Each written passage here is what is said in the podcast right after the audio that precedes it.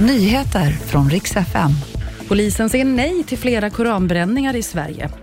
Och nya direktiv. Från och med nu så är det okej att gå till jobbet om du har huvudvärk eller kanske lite snuva.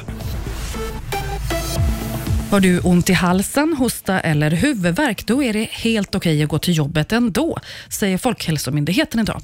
Och om man nu inte jobbar till exempel med äldre personer förstås, då gäller ju särskilda riktlinjer.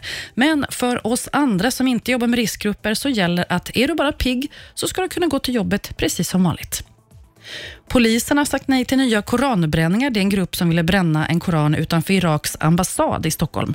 Säkerhetspolisen säger nej eftersom de ser att det här ökar hotbilden mot Sverige. Vi har en storm på gång. Till helgen väntas stormen Otto som kommer för att dra in från Danmark. Och SMHI har lagt ut varningar som nu för eh, starka vindar, framförallt längs hela västkusten. Och det är orange varning som gäller för att det kan påverka väg och el och telenätet.